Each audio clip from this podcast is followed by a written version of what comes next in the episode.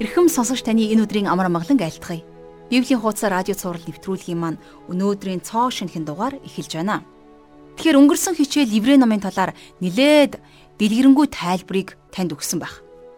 Эртнээс идүүгээ хүртлэх түүхийн бүхий л хугацаанд Бурхан иш үзүүлэгчдэрээ дамжуулан өөрийгөө илчилж иш үзүүлэгчд Бурханы тухай хүмүүст өгүүлж байсан ч тэд хэсэг хэнийг л илчилдэг байсан. Харин Иесус Христ бол амьд бурхны төгс илэрхийлэл болсон нэгэн байсан.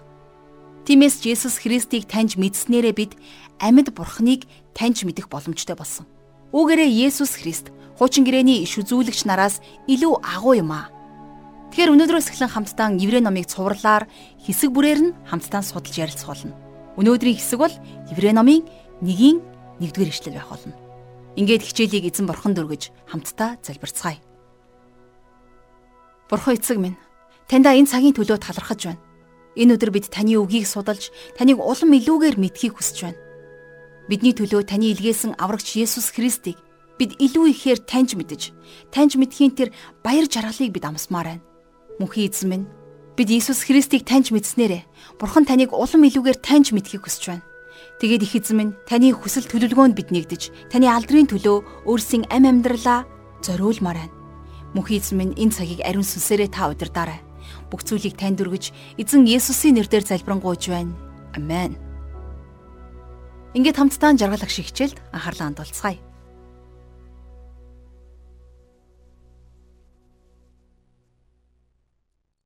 За Библийн бас нэгэн гайхамшигтай ном болох Еврей номоор хамтдаа аялах болсондоо багш миний зүгээс маш их баяртай байна.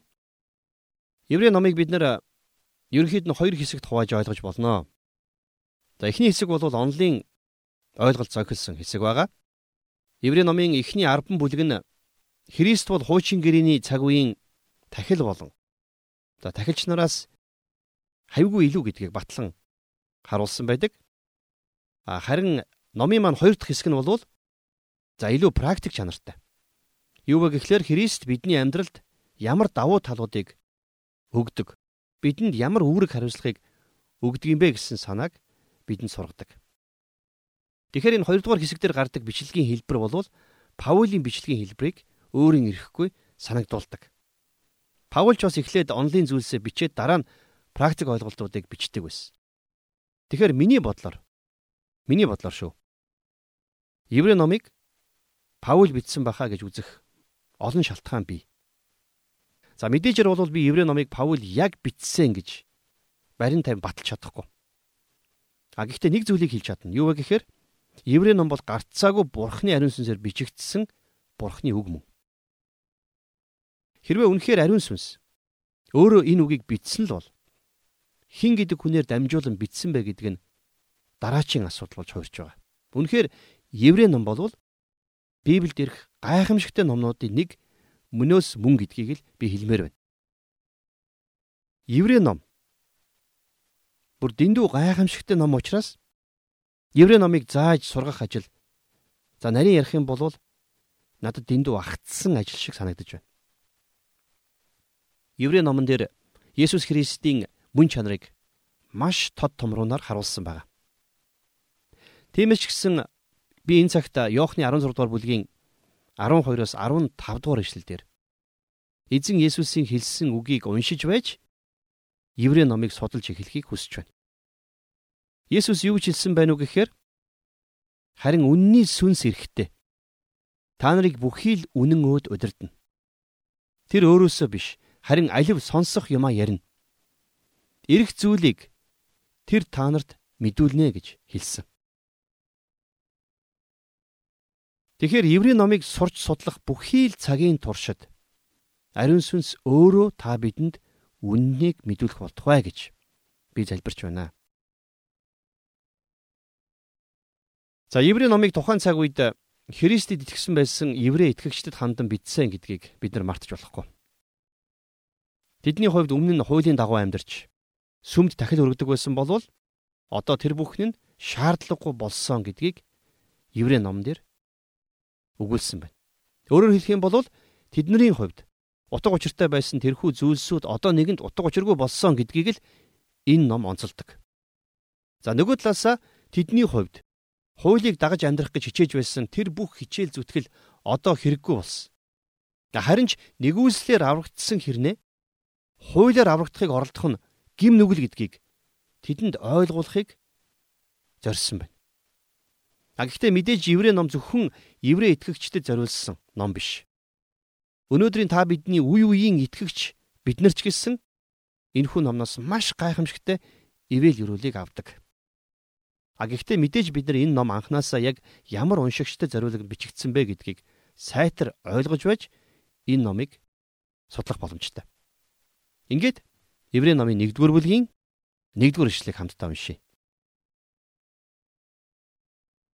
Эрт үед иш үзүүлэгчдээр дамжуулан эцэг өвгдөд олонтаа бас янз бүрийн замаар айлдсан бурхан За тэгэхээр Еврей номын эхэнд Есүс Христ болвол иш үзүүлэгч нараас ч илүү агуу нэгэн юм а гэдгийг өгүүлсэн байдаг. Өнөөдрийн итгэгч та бидний хувьд энэ ойлголт тийм ч чухал санагдахгүй гэж магадгүй. Харин түүхийн тухайн цаг үеийн еврей итгэгч нарын хувьд бол энэ маш чухал ойлголт байсан гэдгийг бид нар мартаж болохгүй. За еврей номын хамгийн ихний ишлэл нь бурхны үгээр эхэлж байна тийм ээ. Еврей номыг судлах үедээ бид нар хэд хэдэн зүйлийг сайтар ойлгох хэрэгтэй байдаг. За жишээлх юм бол та геометрийн хичээл судлах гэж байгаа бол зарим нэгэн аксиомуудыг заавал цэжлэх ёстой байдаг шүү дээ. За зөвлөлж хэлэх юм бол тооны хүрд мэдэхгүй хүн тоо бодож чадахгүй. Тэгэхээр еврей номон дээр бурхан байдаг гэдгийг батлах гэсэн ямар ч оролдлого байдаггүй гэдгийг нэгдүгürt бид нар ойлгох хэрэгтэй. За энэ ч талаараа еврей ном бол эхлэл номтой адилхан юм. Эхлэл номч тэр еврей номч тэр хоёулаа бурхан байдаг гэдгийг ямар ч эргэлзээгүйгээр авч үздэг. Өнөөдөр итгэгчид та бид нар бусдад бурхан байдаг гэдгийг ойлгуулах гэж янз бүрийн гүн ухаан, янз бүрийн тоо баримт тоочж хамаг цагаа бардаг. Агил үнэндээ бол бид нар гадагшаа гараад уус толгод тэнгэрийн одод гол горхийг харахтаа л бүтээгч бурхан байдгаа гэдгийг олж харах боломжтой байдаг шүү дээ. Би дуулал номын 19-р дуулалын 1-р ишлэлийг сануулмаар байна. Тэнгэр нь бурхны сүр жавхлан зарлаж огторгүй гарынх нь бүтээлийг тунхаглаж байна гэсэн байдаг шүү дээ. Хэрвээ би бурхны агуу бүтээлүүдийг харахтаа бүтээгч байгаа гэдгийг ойлгож ухамсарлаж чадахгүй байгаа бол миний оюун бодол сэтгэлгээнд ямар нэгэн ноцтой алдаа байна л гэсэн үг. Библийн тухай маш тодорхой хэлсэн байгаа. Мунхаг хүн л зүрхэндээ бурхан байхгүй гэж хэлдэгэ гэж. За тэгэхээр нэгдүгээр чухал ойлголт бол Еврей ном бурхан байдгаа гэдэгт ямар ч эргэлзээгүйгээр хандсан байгаа. Хоёрдугаарт нь Еврей номоор дамжуулаад бурхан ярьсан гэдгийг бид ойлгох ёстой. Энэ бол бурханы үг. Бурхан та бидэнд оюун ухааныг өгсөн. А гэхдээ хэдийгээр Би оюун ухаантай боловч Бурхан өөрөө бидэнд үгээ өгсөн. Өөрөө бидэнд үгээ илчлэхээс нааш бид нар Бурханыг ойлгох боломжгүй байдаг. Тэгэхээр Еврей ном бол Бурханаас бидэнд өөрийгөө илчилж өгч байгаа Бурханы үг юм а гэдгийг мартаж болохгүй. За Еврей номын бичлэгт бол грек хэлийг маш уран тансгаар ашигласан байдаг. Зарим хүмүүс эннээс үүдэж Еврей номыг Паул биш харин өөр грек хэлэнд мэрэгссэн хин нэгэн хүн бичсэн байхаа гэж таамагладаг. Еврей номын грек хэлэн дээрх яруу тансаг бичиглэлийг бид нар яг байгаа хэлбрээр нь орчуулан буулгах боломжгүй. Үнэхээр харамсалтай. За тэр ч утгаараа еврей номон дээр нэг үгээр хид хідэн санааг зэрэг илэрхийлэх. А эсвэл үгийн сонголтыг зориуд өмнөх үгтээ нь адил төстэй сонсогдох үгээр сонгох гэх мэт аргуудыг хэрэгэлсэн. Өөрөөр хэлэх юм бол үгээр тоглосон тохиолдол цөөнгөө гардаг. За жишээлх юм бол бидний дөнгөж сая уншсан 1-р эшлэл дээр эрт цагт гэсэн үг гарч байна тийм ээ. За энэ бол грек хэлээрээ бол полумерос гэсэн үг байна. Харин энэ ишлэл дээр гарч байгаа янз бүрийн замаар гэсэн үг нь полут ропос гэсэн үг байдаг. За өөрөөр хэлэх юм бол грек хэлэн дээрээ полумерос полутропос гэсэн хоёр үг зэрэгцэн орж ирэхээрээ толгой холбосон юм шиг яруу найргийн тансаг хиллэг болж хувирч байна. За зүүрлүүлж хэлэх юм бол тухайн үеийн койны грек хэлээр бичсэн яруу найргийн илэрхийлэлтэй илүү төстэй сонсогдож байгаа юм. Гэхдээ энэ нь үзэгдэх сонсогдох байдлаасаа гадна утга санаагаараа ч гэсэн уран тансаг байдаг. Энд гарч байгаа эрт цагт гэдэг нь та бидний мэдих зүгээр л нэг эрт дээр цаг гэсэн тийм санаа биш ээ. Харин бурхан иш үзүүлэгч болох Мосегээр дамжуулаад Израильчуудтай ярилцаж тэдэнд 10 хууль өгсөн. Тэгвэл үүнээс ч өмнө бурхан Авраамтай ярилцж л байсан. Авраамтай ярилцах үедээ бурхан нэг бол зүүдэнд нь эсвэл Тэнгэр элчийг илгээж ярилцдаг байсан тийм ээ. А гэхдээ Авраамтай ярилцах үедээ бурхан Мосегийн тухай Авраамд ердөөсөө хэлж байгаагүй. Хожим өгөгдөх 10 хуулийн тухайч Авраамд ярьж байгаагүй. Бурхан Авраамд 10 хуулийг өгөөгүй шүү дээ. А тэгсэн хэрнээ хожим нь Мосед болохоор 10 хуулийг өгсөн байдаг. А тэгвэл бүр хожим нь Давид хаанд Бурхан өөрийнх нь удмаас аврагч мэдлэнэ гэдгийг илчилж өгсөн байна. Гэтэл энэ үннийг Бурхан Мосед илчлээгүй. Авраамд ч хэлээгүй. Тэр ч битгийх л Мосед өгсөн Бурханы хуулийн дээр Израильчууд хаангүй байхаар хуульчилсан байдаг. Бурхан өөрөө тэдний хаан болох ёстой байсан. А гэхдээ бурхан хүмүүсийн зөрсгөлийг мэддэг учраас Израильчууд эргэн тойрондоо байгаа улсуудыг дуурайж хаантай болохыг хүснэ гэдгийг бурхан мэдэж байсан. Тийм учраас хүмүүсийн тэрхүү хүсэлтийг биелүүлэхдээ бурхан өөрийн илгээх месиягч яаж илгээх арга замыг бэлдсэн байдаг. Өөрөөр хэлэх юм бол бурхан эрт цагт амьдарч байсан өөрийн хүмүүстэй илчлэлтийг тухай тухай бүрт нь өөр өөр хэмжээнд өгч байсан гэдгийг бид нэр ойлгож болно. Бурхан Авраамд өөрийнхөө үннийг илчлэхдээ хэсэгхнийг илчилсэн боловч бүгдийг илчлээгүй. Харин үе үеийн хүмүүсээр дамжуулан өөрийнхөө тухай илчилтийг улам бүр нэмэгдүүлэн тэлсээр байсан. А тэгэд эцэст нь тэрээр өөрийнхөө Есүс Христийг илгээж өөрийгөө биднэрт хүмүүн төрлөختөнд төгс илчилсэн байна. Дараагаар нь янз бүрийн арга замаар гэсэн үг байна. Бурхан хүмүүс биднэртэй харилцахдаа янз бүрийн арга замыг ашигладаг юм аа. Бурхан Авраамийн зүүдэнд ирж түүнтэй уулзж байсан. Харин Бурхан Мосед болохоор хууль өгсөн. Дараагаар нь Бурхан Йошуад амлалтуудаа өгсөн. Бурхан зүүд зөнгөөрч дамжуулаад, хуулиарч дамжуулаад амлалтууд, зан үйл, түүхэн үйл явдал яруу найраг, иш үзүүлэг гэд бүхэл зүйлсээр дамжуулж хүн төрлөختөн бидэнтэй ярьсан. Маш урт хугацааны туршид Бурхан энэ янз бүрийн арга замуудаар дамжуулаад хүмүүс бидэнтэй ярилцсаар ирсэн. Жишээлх юм бол Бурханы үг болох Библийг л гэхэд 45 хүн 1500 жилийн туршид бичсэн байдаг шүү дээ. Тэгэхээр Библийг ийм удаан хугацаанд ийм олон зохиогчд бичсэн нь өөрөө Библийн гайхамшигтай ном болгож байдаг юм. Жишээлх юм бол Шекспирийг аваад үзье. Шекспирийн бүтээлүүд үнэхээр агуу тийм ээ. А гэхдээ тэр бол нэг л хүн.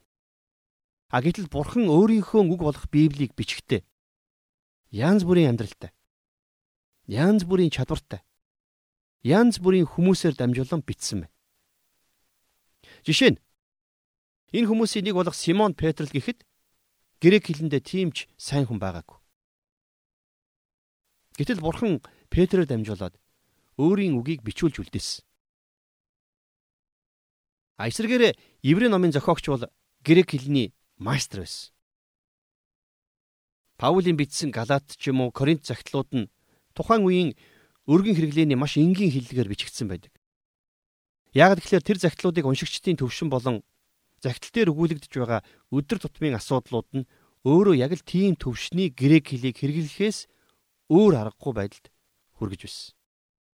А гэхдээ тэглээгээд Паулийг грек хэлийг муу мэддэг байсан гэж хэлж болохгүй л дээ. Тэгэхээр еврей ном бол үнэхээр хэл судал талаасаа бол урлагийн бүтээл гэж хэлж болох ном юм. Еврей номын ихэд бурхан гэсэн үг гарч байгаа. Бурхан гэж эхлэхээс өмнө бурхан байдаг гэдгийг батлах ямар нэгэн оролдлого огт байхгүй байгаа.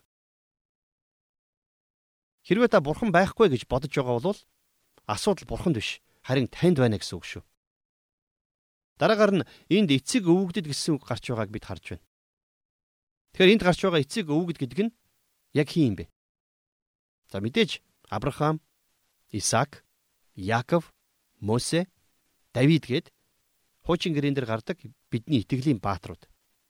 А гэхдээ мэдээж тэд нар еврейчүүдийн хувьд бол шууд утгаараа эцэг өвгөд байсан. А та бидний хувьд бол эцэг өвгөд маань биш шүү дээ.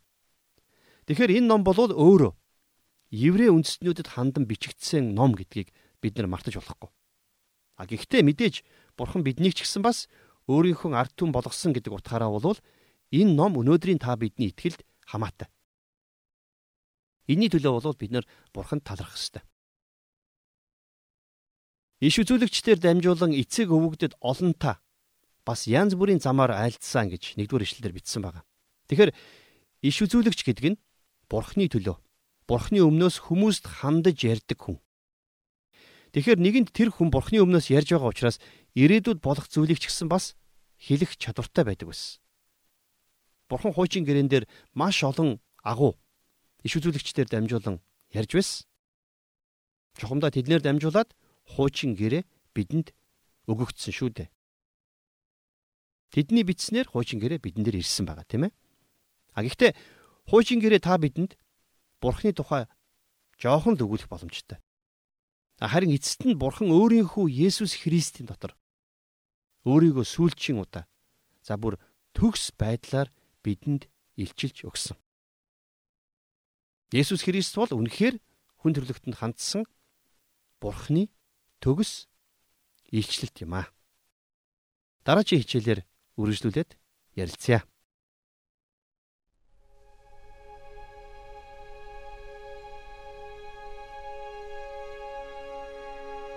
Хичээл зааж тайлбарлаж өгсөн жаргалагчтай баярлалаа.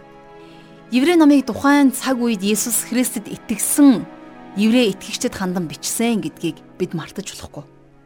Тэдний хувьд өмнө нь хуулийн дагуу амьдарч сүмд дахил өргөдөг байсан бол тэр бүхэн нь одоо шаардлагагүй болсон гэдгийг энэ ном өгүүлж байна. Өөрөөр хэлбэл тэдний хувьд утга учиртай байсан тэдгээр бүх зүйл одоо утга учиргүй болсон гэдгийг энэ ном онцолж байгаа юм. Тэгэхээр хуулийг дагаж амьдрах гэж хичээж байсан тэр бүх хичээл зүтгэл одоо хэрэггүй болсон. Харин ч нэгүслэр аврагдсан хэрний хуулиар аврагдах гэж оролдох нь гимнүгэл гэдгийг тэдэнд ойлгуулахыг зорж байгаа юм. Гэхдээ мэдээж еврей ном бол еврей итгэгчдэд зориулсан боловч бүх үеийн итгэгч та бидэнд ч гэсэн гайхамшигтэ ивэл юрөөл болсон ном билээ.